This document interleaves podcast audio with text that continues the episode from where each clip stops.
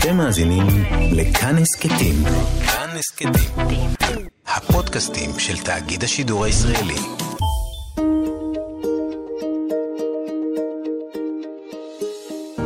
את אור העולם ראיתי. תוכנית מיוחדת לציון שנה למותו של המשורר טוביה ריבנר, עם ענת שרון בלייס. השיר הזה נקרא ארץ הלוואי. איזה יופי ארץ הלוואי. שדות העמק משתלטים על מה שהלבישו מלט ובטון. מגדלים מרקיעים עד שמי שמיים, ואין צומחים מהם כציפורים מתות. הכנרת חוזרת אל תפארתה בצבע טורקיס. בארץ הלוואי לחיות ממש שמחה. אין צורך להסניף בה שוב ושוב בגלל היש והצפוי. תבונה אינה שן רקובה, וראש השליטים אינו בז לעצמו ולא לרוב מאזיניו. לשווא תטור אחרי מי שמתאכזר לנבראים בצלם, ואיש ואיש מפרגנים לרעיהם מכל הלב. בארץ הלוואי נהרגים יום יום על הכבישים רק בחלום. לא תמצא בה מדוכאי טראומה ולא נכים רעבים ללחם. ישראל ערבים זה לזה. שקר אינו מושל בה, לא למעלה ולא למטה, לא בשתי ולא בערב. ותוכל לכתוב בשיר ולחשוב עשיתי מעשה.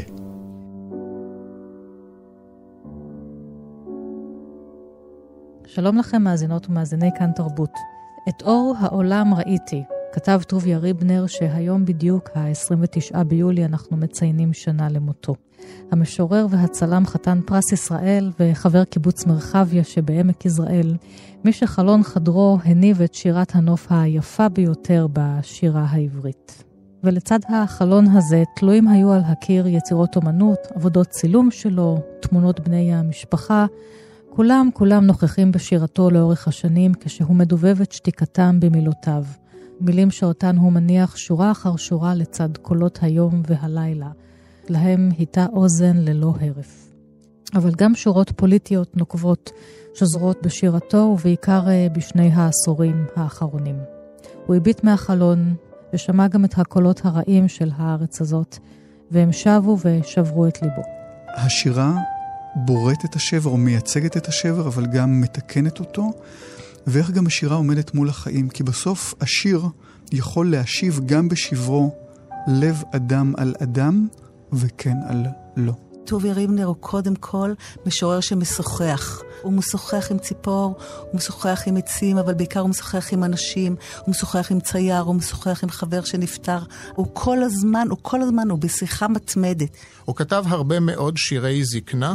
פעם אחת הוא אמר לי שהוא מקנא בשמבורסקה. אמרתי, על מה אתה מקנא? הבנתי שלא על פרס נובל. אז הוא אמר, על שמחת החיים שלה. אמרתי, טובי, אבל גם אצלך יש המון שמחת חיים.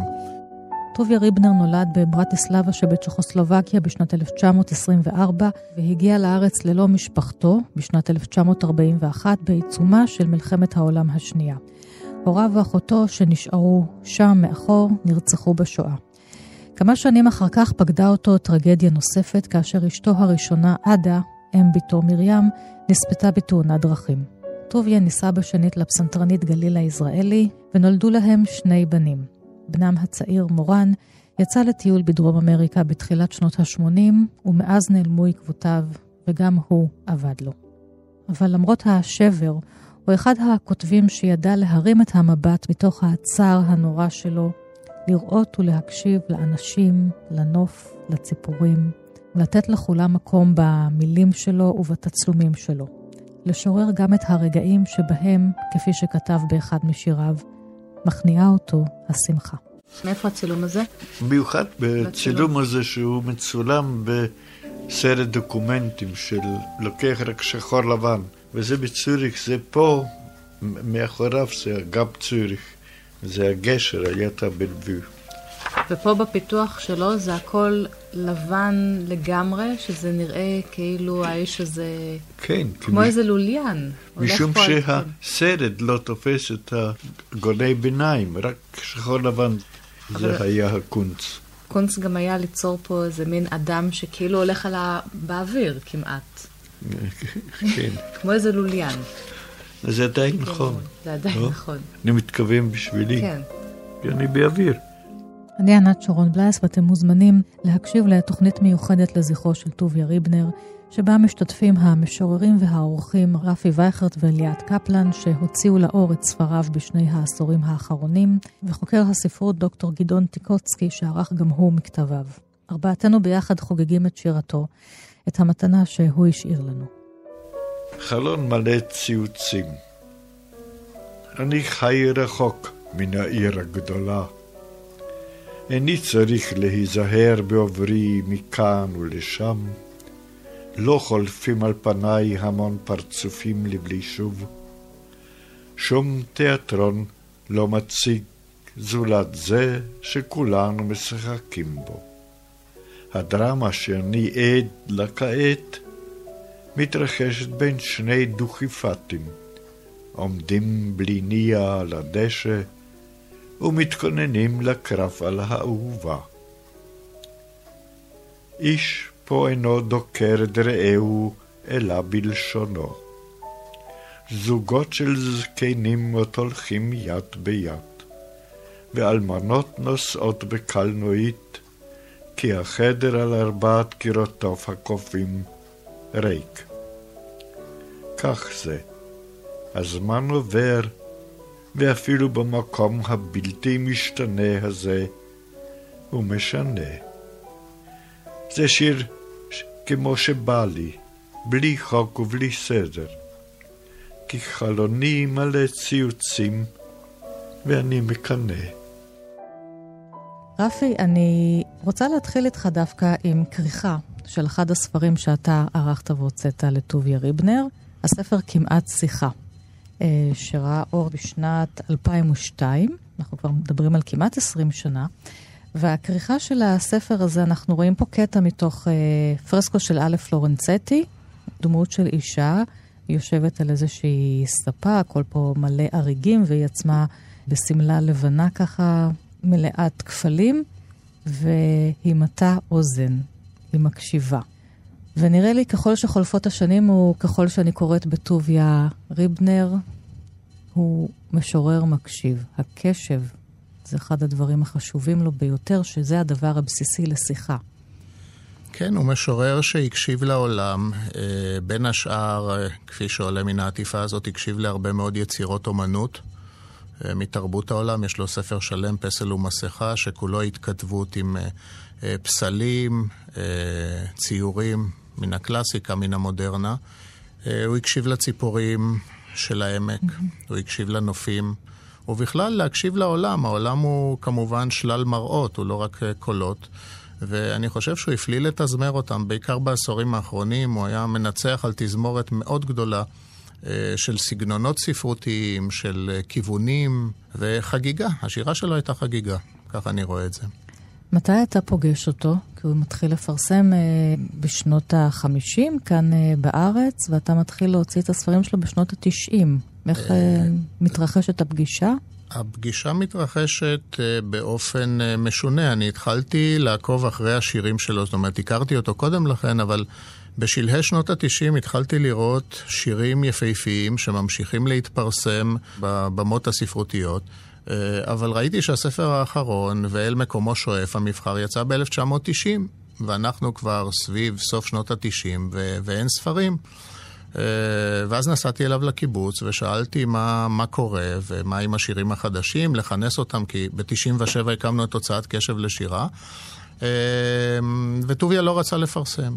הוא כבר היה בתחושה שהוא צריך לפרוש מעולם הספרותי ולהתכנס, והנה יצא מבחר, ומה שהוא השיג הוא השיג, ומה שלא כבר לא ישיג. אה, ואז אה, ערכתי לו את הספר שהוא רצה לקרוא לו אה, שירים אחרונים. אמרתי לו, טוביה, על גופתי המתה שירים אחרונים. שירים אחרונים זה ספר שיריו האחרון של דן פגיס, חברו של טוביה, שראה אור אחרי מותו. אמרתי, לא, לא יהיה, לא יקום ולא יהיה שירים אחרונים. ואז הוא התפשר איתי פשרה אדירה, והוא אמר שירים מאוחרים.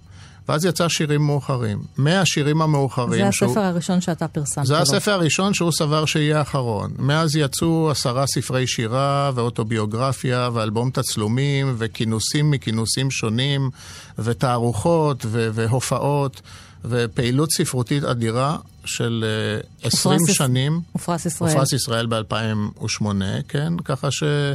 לא צריך להגיד נואש, ואני חושב שברגע שהוא הבין שיש לו למי לכתוב, ולו קורא אחד קשוב, היו לו יותר, אבל כמובן אחד קשוב פעיל, אז הוא נכנס למודוס של כתיבה אדירה.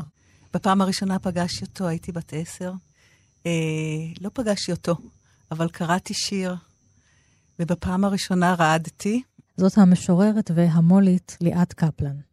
היה בבית ספר שנקרא שירה צעירה, אוסף של כל מיני צעירים כאלה. חיים גורי, נתן זך, היו נכון. ממש אה, זו נערים. זו אנתולוגיה שיצאה בהוצאת עקד שיצאה בשעתו. בעקד, וקראתי את הדבר הזה. אחותי, באוויר שאיננו זורם עוד, באוויר הסוגר כאגרוף, באוויר המתפרק לעפר, ועפר למחטים. באוויר האש העברה באוויר המתוק לא מפריחה, באוויר הדק קיללה, באוויר הקורע אלף עיניים, וכל עין רואה חושך. באוויר המתגמד בין שפה לשפה. חיה אחותי הקטנה, את נצח, הרגע האחרון. גם עכשיו אני בוכה, כן. זה מדהים, כן. אז אולי עוד איזה דבר שלמדתי ממנו, ואני חושב שכל מי שקורא בשירה שלו קורא ולומד. זהו חוקר הספרות והעורך דוקטור גדעון טיקוצקי. אנחנו תמיד מקשרים אה, שיר ש- שעוסק באבל, בקינה, לנוסטלגיה, וטוביה היה מפוקח מספיק כדי להתרחק מהצד הזה הסנטימנטלי. היה בו איזה יסוד יוצא דופן של פיכחון, אה, של, של איזה תפיסה עצמית שכל הזמן בוחנת את עצמו ולא נותנת לעצמו להיכנס למלכודות השגורות האלה. והשיר נקרא מנדלה, זה, זה ה... הציור ההודי הזה. בדיוק. ש, ש, ש... העגול הזה שעושים אותו. משקיעים בו ימים מין? שלמים של עבודה. ואז מפזרים אותו. כן, כמו, כמו ילד שבונה כן. ארמון בחול, כן. ו- ו- אבל משמיד אותו בעצמו. ואני בכוונה בחרתי בשיר הזה כי בניגוד ל... לה... תפיסה שאנחנו רובנו חיים לאורה, במודע או שלא במודע, התפיסה היהודית שמושרשת בנו כל כך, של זכור, של לחיות את העבר בהווה שלנו. זה, זה מתבטא גם בשפה שלנו, שאנחנו מבלי דעת, כל העברית שלנו היא, היא הולכת אחורה ו- ומעלה את האינטרסטקסטים של הטקסטים הקדמוניים. ופה טוביה ריבנר, היהודי כל כך, היה בו צד יהודי לחלוטין בשירה, הולך אל המזרח, אולי בהשפעת הבן האחר, שהוא נזיר בטיבט, ובשיר הזה מנדלה כאילו מפנה עורף לכל התרבות הזאת של הזכור. מנדלה, אתה הרי יודע שמרגע לרגע משתנים הדברים. אתה משתנה, הכל משתנה. אז למה תמשיך לדבוק בעבר, בעבר המאושר ובעבר האחר, למה תמשיך לדבוק בו כמו זבוב בנייר דבק? ראה, איך העלים משנים צורה וצבע באור וברוח.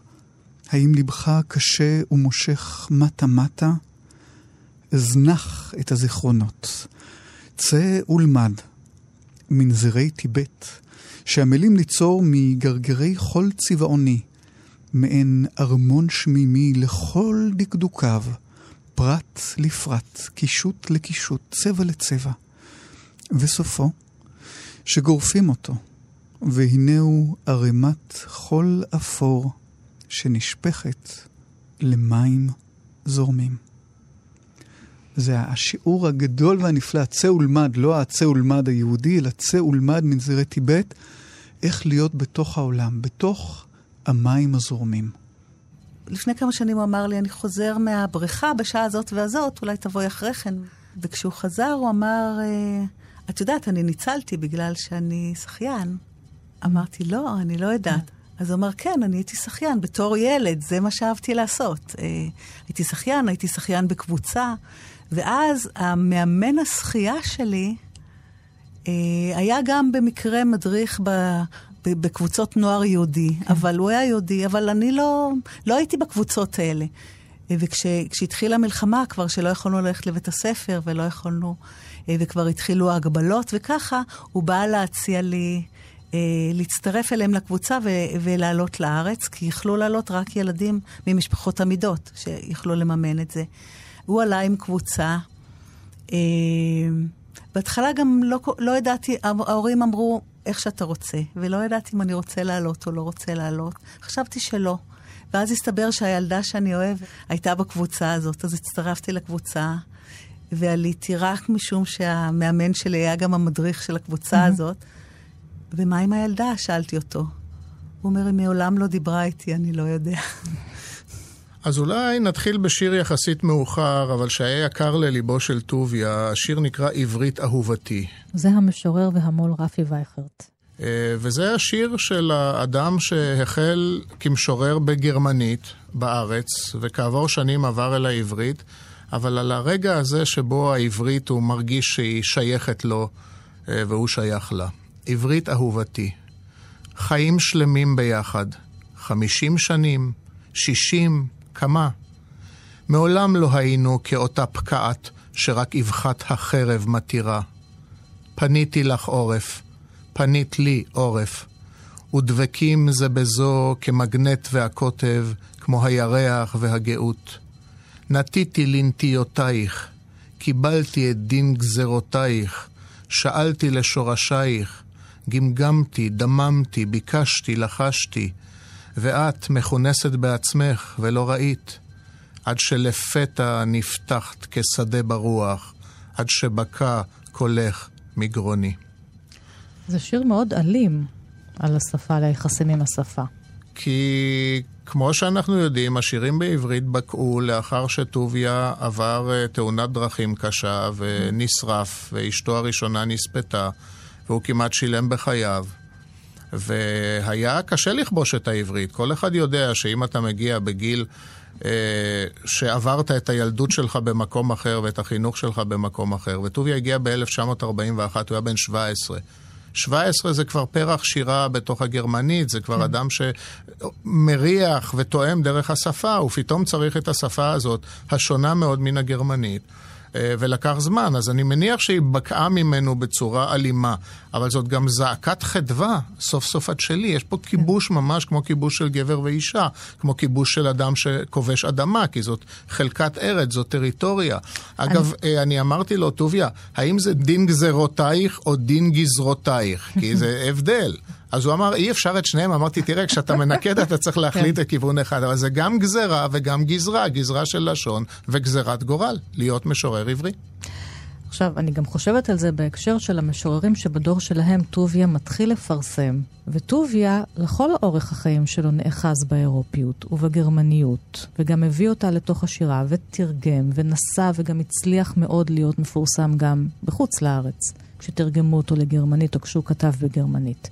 אז הוא לא הרפא מהתרבות הזאת, הוא אמר, לא, אני יכול להיות ישראלי, אני יכול להיות קיבוצניק, ואני יכול גם להיות עם, ה, עם השפע הזה האירופאי פה, בתוך החדר שלי בקיבוץ. זה לא סותר. זה, זה בהחלט, אבל אנחנו צריכים לזכור עוד משוררים שאנחנו לא תמיד מזכירים אותם. האם ישראל פינקס הוא ישראלי או אירופי? אה, האם נתן זך הוא ישראלי או אירופי. זאת אומרת, לא כולם חיים גורי ולא כולם גם עמיחי, שהיה כן. אומנם מווירצבורג, אבל מאוד התערה בעברית ובישראליות. ורצה כמעט למחוק את הגרמניות הזאת. זה, נכון, ואני חושב שטוביה, שתי רגלי המחוגה הללו היו מאוד פעילות. הוא היה נעוץ עמוק בספרות הגרמנית, בהלדרלין, ברילקה, בפאוסט של גתה כמובן. הוא גם לימד שנים את הטקסטים הללו. אבל מצד שני הוא כתב גם שירים שכמעט אפשר היה לומר ילידיים, של נופי כן. הארץ ונופי העמק והעצים והשדות והמרחבים. נכון שיותר בתקופה המאוחרת. אני חושב שעד שנות ה-80 הייתה תקופה מאוד ארוכה של אקספרימנטים. זאת אומרת, הוא בעצם חיפש את עצמו. הוא חיפש איך להתרחק מהאירופיות, ואחרי שהוא מצא את הישראליות, הוא שוב חזר אל האירופיות. חזר דרך יצירות אומנות, חזר דרך המוזיקה הקלאסית. אז הוא... גם המוזיקה הקלאסית וגם הספר הכל כך מיוחד שלו, פסל ומסכה, שכולו מתייחס ליצירות אומנות, לשיטוט במוזיאונים ושירים על יצירות אומנות. באמת ממיטב השירה, אני חושבת, העברית שנכתבה כאן. נכון.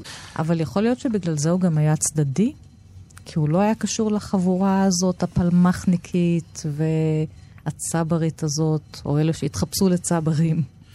תראי, מי שאחר כך רצה לפרוץ דרך היה צריך לעזוב את קיבוץ מרחביה, אולי הדוגמה המרכזית היא יעקב שבתאי. כן. אבל טוביה נשאר נאמן לקיבוץ, נשאר נאמן למקום. אה, והאמת היא שהפספוס של טוביה הוא בזה שראו בו בעיקרו של דבר משורר שואה. כמו שדן פגיס הוא לעד משורר כן. שואה, למרות שהוא כתב רק שישה שירים מובהקים על השואה בספר גלגול. וגם טוביה, מאז שהדבר הזה מוטבע בך, אז לא רואים שאתה כותב שירי אהבה נפלאים לרעייתך, ושירי נוף, ושירי שמחת חיים וכולי, אתה משורר שואה. אה, ומשוררי שואה זה משוררים לבגרות או לטקסי הזיכרון, אבל זה לא משוררים שרוצים לקרוא אותם בפועל. כמה עוול אנחנו עושים פה, פרשנים ומבקרי ספרות וחוקרי ספרות שמכניסים אנשים למגירות ואחר כך אי אפשר להוציא אותם. כאילו שהם שייכים רק למגירה אחת ויש להם קורפוס ענק של שירה. נכון, וגם גם מכל דור לוקחים שלושה או ארבעה שמות, כי הקהל לא יכול לזכור יותר, אבל בדורות האלה היו 12 שמות ו-15 שמות, ולא כולם משוררים פורצי דרך. נתן זך היה משורר חדשן והוא סלל את הדרך. אבל טוביה לקח לו זמן עד שהוא נכנס לתוך המסלול הזה, אבל אחר כך הוא היה, הוא היה ענק במסלול הזה.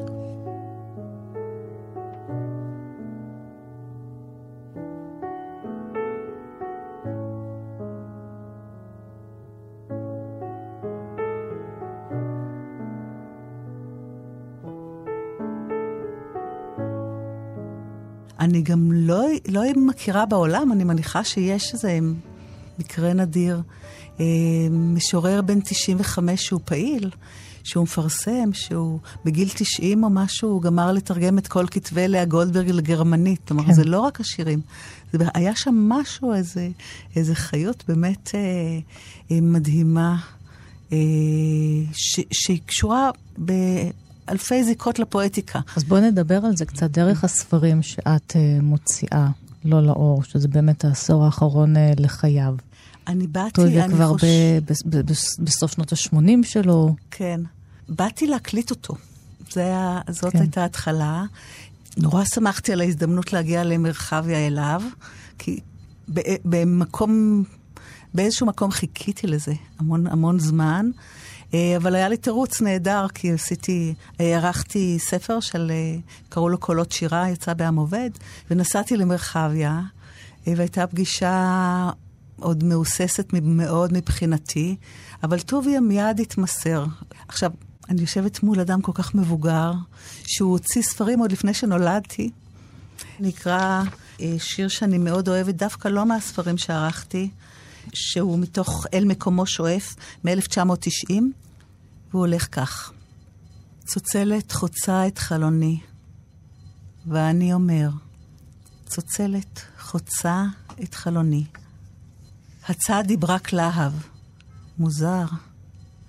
למילים יש צליל, והלא האלם יושב בגרונן. האור שחדר אל אפלת החדר, שוב איננו אור באפלת החדר. פניי נאחזות בפניך, כאיל בסבך. הנני, הנני, קולך הולך בקולי, בלי קול, בלי אתה, בלי אני. ברק להב החשיך ועיוור. בני, בני. הציפור בחלון, בחלון הכל כך יפה של טוביה בקיבוץ מרחביה, ומכאן הולכים אל, אה, אל מעמד העקדה. כן. ומתקשרים אל הבן שלו, אל מורן שנעלם. כמעט בכל ספר יש, יש שיר נכון. שמדבר עם מורן, לפחות כן. אחד, לפעמים הרבה יותר, אבל, אבל זה, זה באמת, אה, זה דיבור עם, עם מורן ועם כל התרבות. אחד השירים של טוביה ריבנר שאני מאוד אוהבת הוא השיר אור אורפי, שטוביה כתב אחרי העלמו של מורן בנו. הגוף והכתיבה כרוכים זה בזו כמשל על שירה. האם יש בה כוח של חיים, או שהיא הבל נורא. אור אורפי יש חיים עם יד אחת, רגל אחת, ריאה אחת, כליה אחת, בלי רגליים, בלי ידיים, עין אחת, בלי עיניים. אני חי עם לב אחד. לא רציתי לגלות, איני יודע מדוע גיליתי. עכשיו יבואו באצבעות דקות מחודדות, יחטטו, ימששו, יגזרו, שקר וכזב. אני מסכים, אני מסכים, אני אוכל, ישן, עובד, שומע מוזיקה. ממחשבה זכה שעולה לפני הקדוש ברוך הוא, נברא בו מלאך, ובמחשבה של פורענות נברא בו שט. איזה פטפוט, איזה פטפוט נורא. כשתשים מעל ענני קומולוס אפרוריים אור מאוחר, מתעמעם, מדמים, מה קל ללכת, צעד רך, נטמע, לא נשמע, שום מאמץ לשכב מבלי לקום עוד, גוף קל מרחף, כמעט לא גוף, נוף מוות רך, תהומות מוות, שמש מוות שוקעת, הררי שאול עשויים פלומה. דימויים, דימויים, אינני חתול, אין לי תשעה חיים. לשם מה, לשם מה כל זה? איני יודע, האמת, איזה פטפוט נורא. יצירה שלו ביסודה כאילו בנויה על תהום. אז יש בה גם היסוד של הקינה והאבל, באמת על כל האסונות הפרטיים, האסונות הקולקטיביים, אבל זה שבר. זה שבר ולא פצע. כלומר, זה שבר במובן הזה שזה חורג מהפצע, זה גם משהו כללי. ולכן אני חושב שהוא מצליח לדובב כאן איזה כאב של, של קהילה שלמה, אמ, וזה כמובן גם נותן לו המון המון סמכות בשירה, כי הוא האיש, כמו בשיר של יהודה עמיחי, שאומר במחזור המרובעים, אני האיש שבער והוא קל, קשה כן. הלום. אז הוא האיש שבער והוא קל. והוא עכשיו יכול להגיד לנו גם כמה העולם הזה למוד סבל, ויותר מזה, כמה בעולם הזה, בתוך הסבל האיום, יש גם המון יופי. כן, שגם חלק מהיופי זה השאר נעליך, ולא של נעליך, זה המקום. השאר נעליך, קום ותתחיל לצעוד אל תוך היופי הזה, שהוא גם נמצא מחוץ לחלון שלו, בקיבוץ מרחביה, וגם היופי שהוא יצר ב, בלשון שלו, הלשון הריבנירית, בשירה שלו. נכון, ואני חושב שאם אנחנו מדברים על השבר, אז גם ה... הלשון מייצגת את השבר. זאת אומרת, אה, הוא בן דור שכבר אה, כאילו לא יכול יותר לכתוב שירה.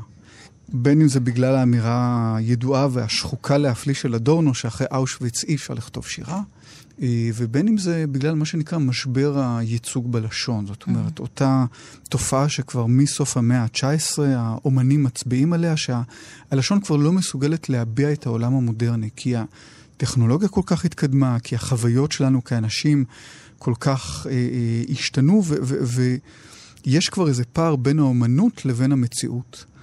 והוא נע כל הזמן מתוך התודעה הזאת, זאת אומרת, מתוך ההבנה שיש משהו פרדוקסלי לחלוטין בכתיבה של שירה במאה ה-20 או המאה ה-21. ומתוך הפרדוקסליות הזאת הוא מראה שאפשר לכתוב שירה. זאת אומרת, זה, זה, זה, זה מצד אחד פקפוק בכוחה של השירה, ו, ושיר שלא פעם כותב את הפקפוק הזה, mm-hmm. והנה נוצר שיר, מתוך הפקפוק. מה שהיה מאוד מדהים, אה, כעורכת שלו, אה, היה הנכונות שלו המרבית להקשבה כל הזמן. זה אה, אה, בעיניי חלק, חלק מאוד מרכזי בפואטיקה שלו. כי טוביה ריבנר הוא קודם כל משורר שמשוחח. נכון. כל הזמן הוא, משוח, הוא משוחח עם ציפור, הוא משוחח עם עצים, אבל בעיקר הוא משוחח עם אנשים, הוא משוחח עם צייר, הוא משוחח עם חבר שנפטר עשרות שנים אחרי שהוא נפטר, אה, הוא משוחח עם משוררים אחרים, עם, עם קפקא, הוא כל הזמן, הוא כל הזמן, הוא בשיחה מתמדת, שקשורה לתאווה, לתשוקה העצומה שלו לחיים, לתאווה שלו, יש לו שיר שנקרא הזקן, הזקן אוהב, כן, הזקן mm-hmm. מאוהב, כן, הוא... אה, והדבר הזה הוא, הוא חלק מאוד, אה, אה, מאוד מאוד מרכזי במה שהוא כותב, ביחד עם מערכת יחסים מתמדת עם המוות, מהשירים הראשונים.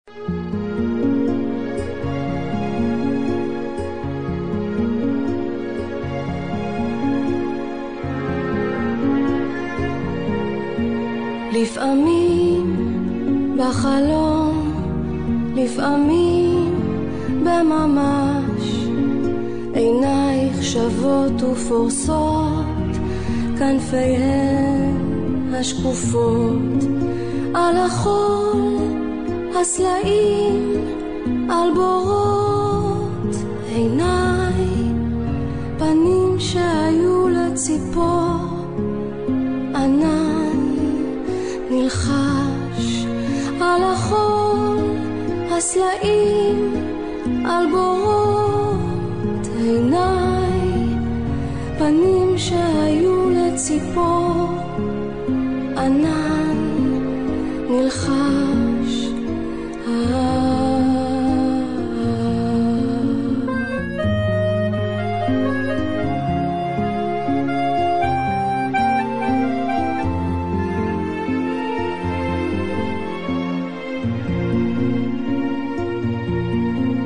לפעמים בחלום, לפעמים בממש, עינייך שוות ופורסות, כנפיהן השקופות, על החול, הסלעים, על בורות עיניי, פנים שהיו לציפור, ענן נחש על החול, הסלעים, על בורות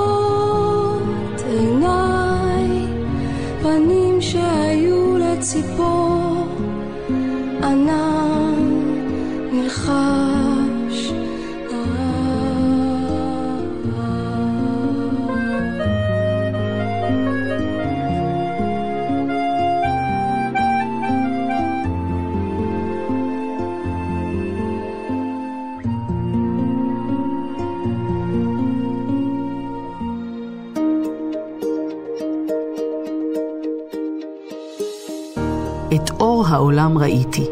תוכנית מיוחדת לציון שנה למותו של המשורר טוביה ריבנר, עם ענת שרון בלייס. ואתה מדבר על להיות עקור. עקור ולא עקור, משום שמי שנעקר פעם הוא נעקר עד סוף ימיו, גם אם הוא חושב אחרת, איפה שזה יושב בו.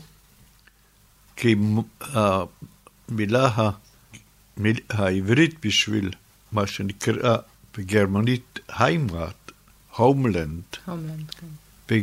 בעברית זה נקרא מולדת. מולדת זה המקום שבו נולדת. כן. אז יש רק מולדת אחת, כי את נולדת ממש רק פעם אחת. הלידה השנייה היא מטאפורית.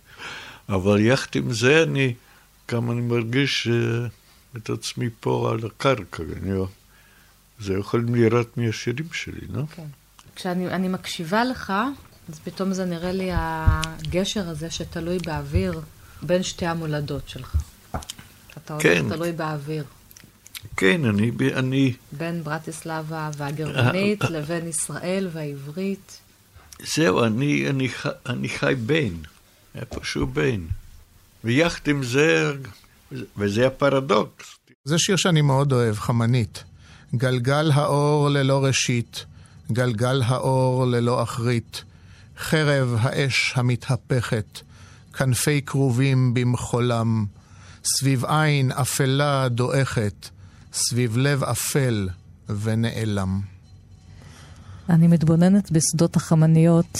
עכשיו הן בדיוק במצב הזה של האפלה, שהן כבר כפופות, אה, חלקן כבר אפילו נקטפו, אבל כשאתה רואה כששותלים אותן והן עולות וגבוהות במאי וביוני, וואו, תשמע, אתה יודע כמה אור, מעבר לאור שיש בעמק, כמה אור כל השדות הצהובים הללו ושמחה? אז הוא לקח כאן זה- חמנית שאני מתאר לעצמי שהוא ראה אותה בעיני הבשר שלו, זה לא כן. החמניות של ואן גוך. זה שוב המשורר והמו"ל רפי וייכרט. אבל הוא עושה ממנה משהו מטאפיזי. הוא כן. רואה במוות, והוא רואה בנצח, והוא רואה בגירוש מגן העדן, שזה היה התמה. הרי הספר הראשון שלו נקרא האש באבן. כל העניין הזה של השריפה, של הבעירה, קודם כל השריפה של השואה, ואחר כך השריפה של התאונת דרכים. אה, והתמונה הזאת בערה בו, להגיע אל לב-ליבה של התמצית. וכאן התמצית סביב עין אפלה דועכת, סביב לב אפל ונעלם. בתוך החמנית יש לב אפל ונעלם, זה לא גרעיני עפולה. זה משהו מאיים, זה משהו ממית, זה משהו מדביר, ובעצם גורשנו מגן העדן, כן? ה- כאילו עלי הכותרת של החמנית הם חרב האש המתהפכת, כן? ואנחנו כבר איבדנו את הנצח של גן העדן. זה שיר מופלא, מושלם בתוך העברית, פשוט מושלם. שיר. זה מאחד הספרים המאוחרים שלו, כביכול שם סתמי לחלוטין, אבל אנחנו יודעים לחשוד דווקא בדבר הסתמי או הלא מסומן. זה שוב חוקר הספרות דוקטור גדעון טיקוצקי. והוא מדבר בדיוק על העניין הזה של ה... כמו שאת אמרת קודם, היכולת להסתכל מתוך השבר החוצה, לדובב את הנופים, להקשיב לדברים הקטנים ביותר במציאות שלנו, שזה שירה של ציפור, שזה עץ, ומתוך זה לדבר על איזה משהו כללי ב- בחוויה האנושית. אולי אז- לפני שתקרא, אני שוב אומר שהוא היה צלם. הוא גם משורר וגם צלם. זה שני המקצועות שבעצם לוכדים איזשהו משהו קצר במציאות, פריים קטן, שמתוך זה אבל מהדהד לך עולם ומלואו. אני מסכים לגמרי, ויש באמת את היסוד הפרגמנטרי בשניהם. כן. זאת אומרת, הלכידה של משהו שהוא כביכול אקראי, רגעי, כן. חולף, והפיכה שלו לאיזה סמל. שיר. אבל עכשיו נברא ירוק כי טוב, כי טוב, ונחליאלי מהנהן במוז נבו, במעילו העפרפר, עפודתו הצהובה, כי שוב חזר ושוב יחזור, המנטר על קלונסאות. שתי לטאות ישנן אינן, נצנוץ של שמש ומברח, שהתברך על שבח מעשה ידיו. עץ הפקן עכשיו משיר, ומנקד את האוויר, ועננים משובבים נפשו של כחול נדהם, ושיר משיב גם בשברו, לב אדם על אדם, וכן על לא.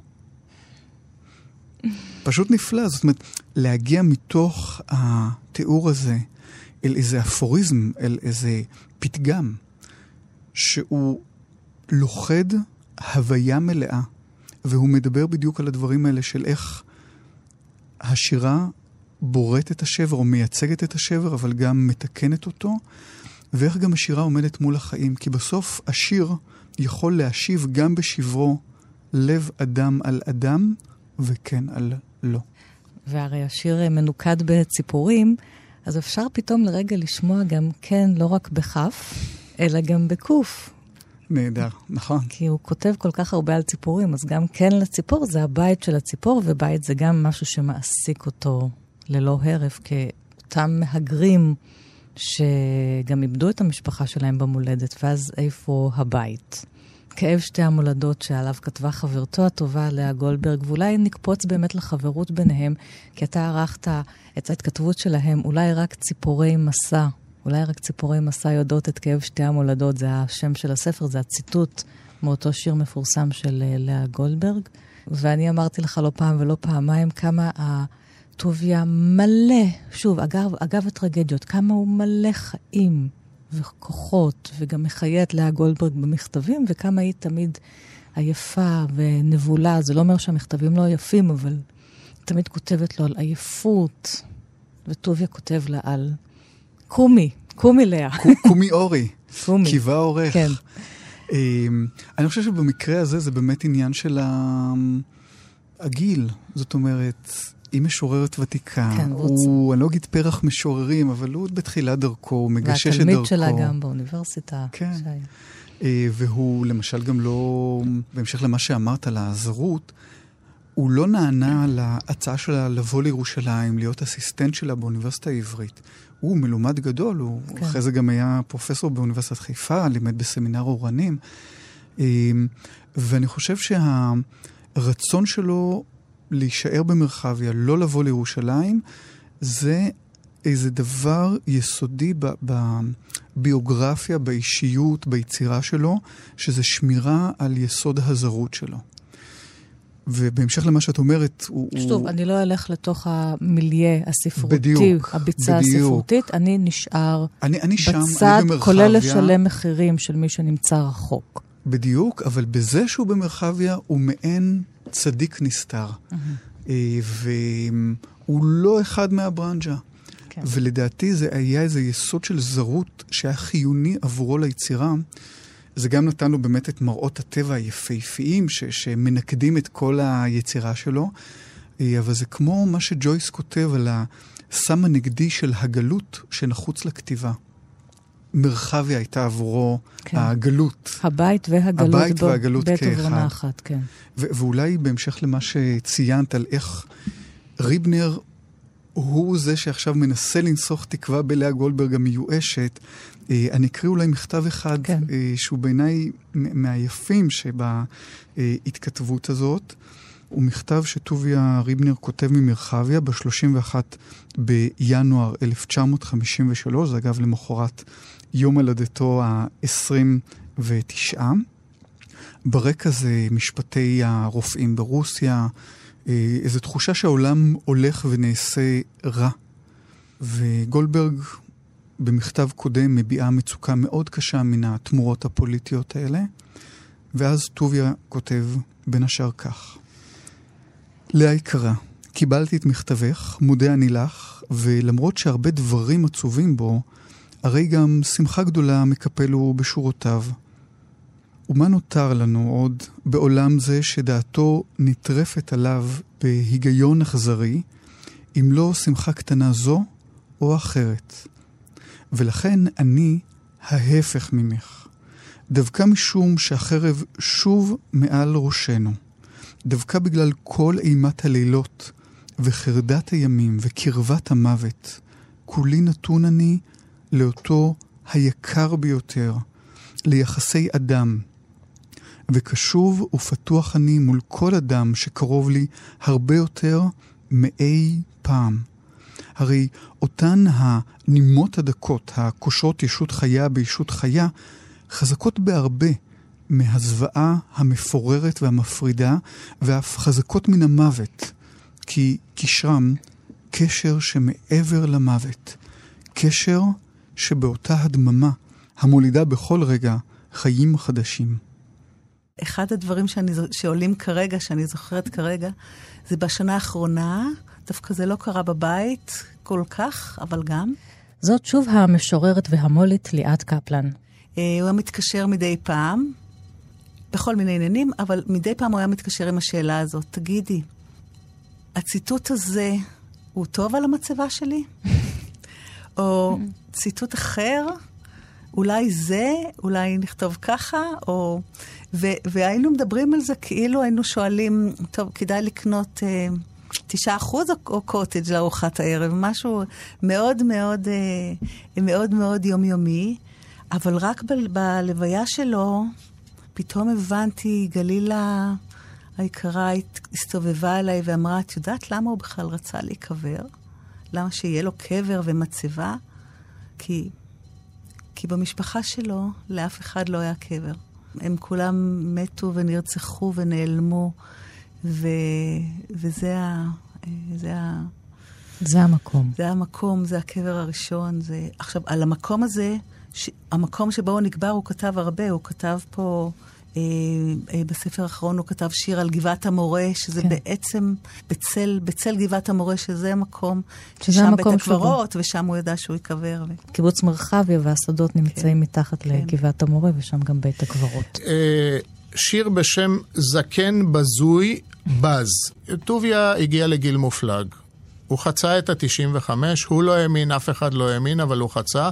ואגב, עד החודשים האחרונים הוא כתב שירה יוצאת מן הכלל. הוא כתב הרבה מאוד שירי זקנה. פעם אחת הוא אמר לי שהוא מקנא בשמבורסקה. אמרתי, על מה אתה מקנא? הבנתי שלא על פרס נובל. אז הוא אמר, על שמחת החיים שלה. אמרתי, טובי, אבל גם אצלך יש המון שמחת חיים.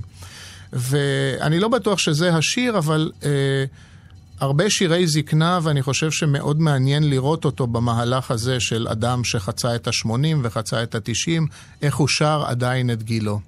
גילו בשני המובנים. זקן בזוי, בז משחרר לטרף. כל הזע ונע שלל למקור החד. בז רעב, חש קור תחת כנפיו. כמה זעיר הקול, כמה צעיר כל הצלילה. לצלול, כן, לצלול בעין צלולה כברק, על שפע היש הנמלט. איזה תיאבון יש לבאז הזה. זאת אומרת, זה לא באז שמעורר בוז, זה באז שמעורר כבוד, שעדיין בגילו המופלג הוא רוצה לאכול את העולם, לטרוף את הטרף בכל פה.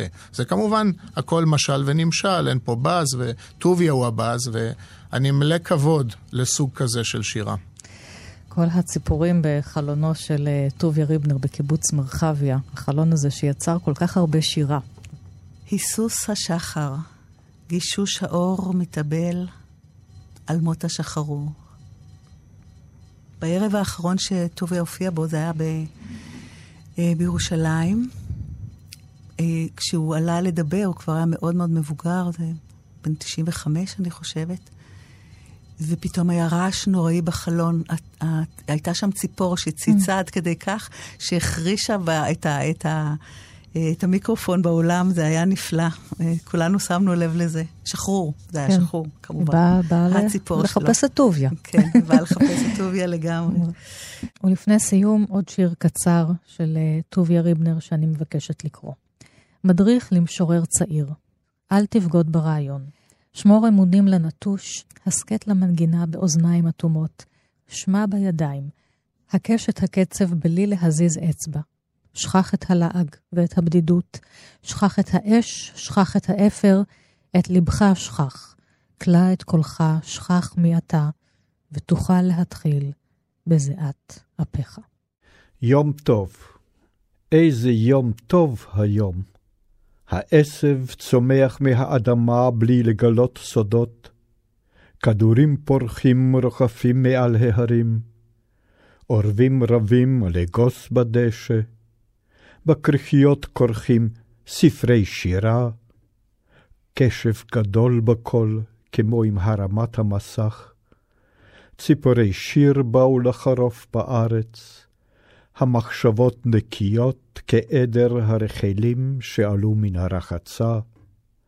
המתים נטשו מרצונם את החלומות, אינם מתחננים, אינם תובעים. האוהבים לוקחים ונותנים, לוקחים ונותנים. צדפים נפתחים, נסגרים. החול לבן לבן עם עננים אפלים המכסים את האופק. ריח פליאה באוויר, הכל עומד על תילו. אפילו העשן לובש דמות כמו ביום תחיית המתים. האש איננה אוכלת איש ואישה, אין צורך בשום המצאות, הפתעות. אפשר להסתדר במילים הפשוטות ביותר, אפילו בלי חרוזים, כי הכל נחרס. השנאה הצטננה ולקחה חופשה. זרועות משתלבות מעצמן כמעט בחיוך. איש לא מרמה, גם לא את חברו. הזיכרונות שמטו את כל הזוועות. הדממה איננה חורשת רע. פתי מאמין לכל דבר.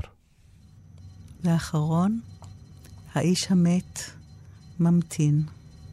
באיש החי. ועד כאן את אור העולם ראיתי. שעה מיוחדת לזכרו של המשורר והצלם טוביה ריבנר במלאת שנה למותו. תודה לרפי וייכרט, ליעד קפלן ודוקטור גדעון טיקוצקי. אני ענת שרון בלייס.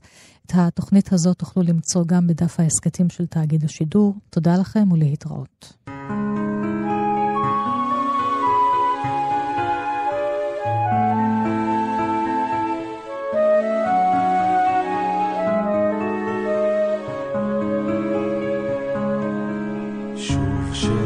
ירוקה באורנים, קרניים בהירות גם אפלות, והימים יפים בעיטורי לילות, ככלות כל השנים האיומות.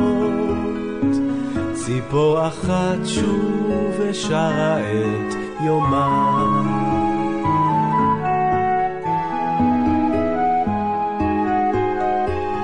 ועננים נושאי גשמם כחלומות והמתים בתוך האדמה וירחים קטנים בלב חלל גדול. ובני אדם עוברים מתחום לתחום שולחים איש אל רעהו את עופות הכל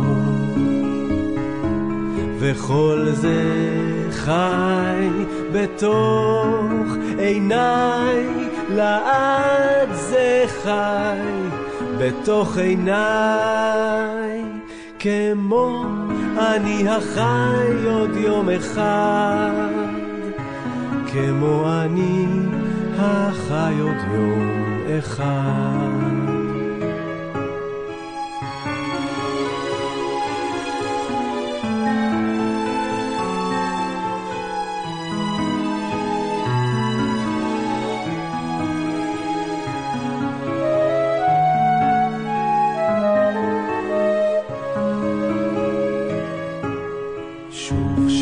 ירוקה באורנים, קרניים בהירות גם אפלות, והימים יפים בעיטורי לילות, ככלות כל השנים האיומות.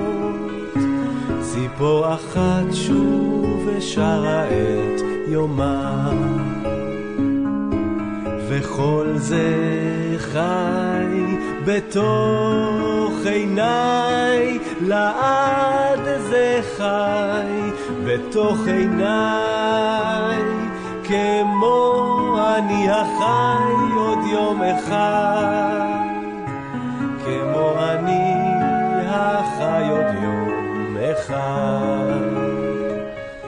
לעד זה חי בתוך עיניי כמו אני החי עוד יום אחד, כמו אני החי עוד יום אחד.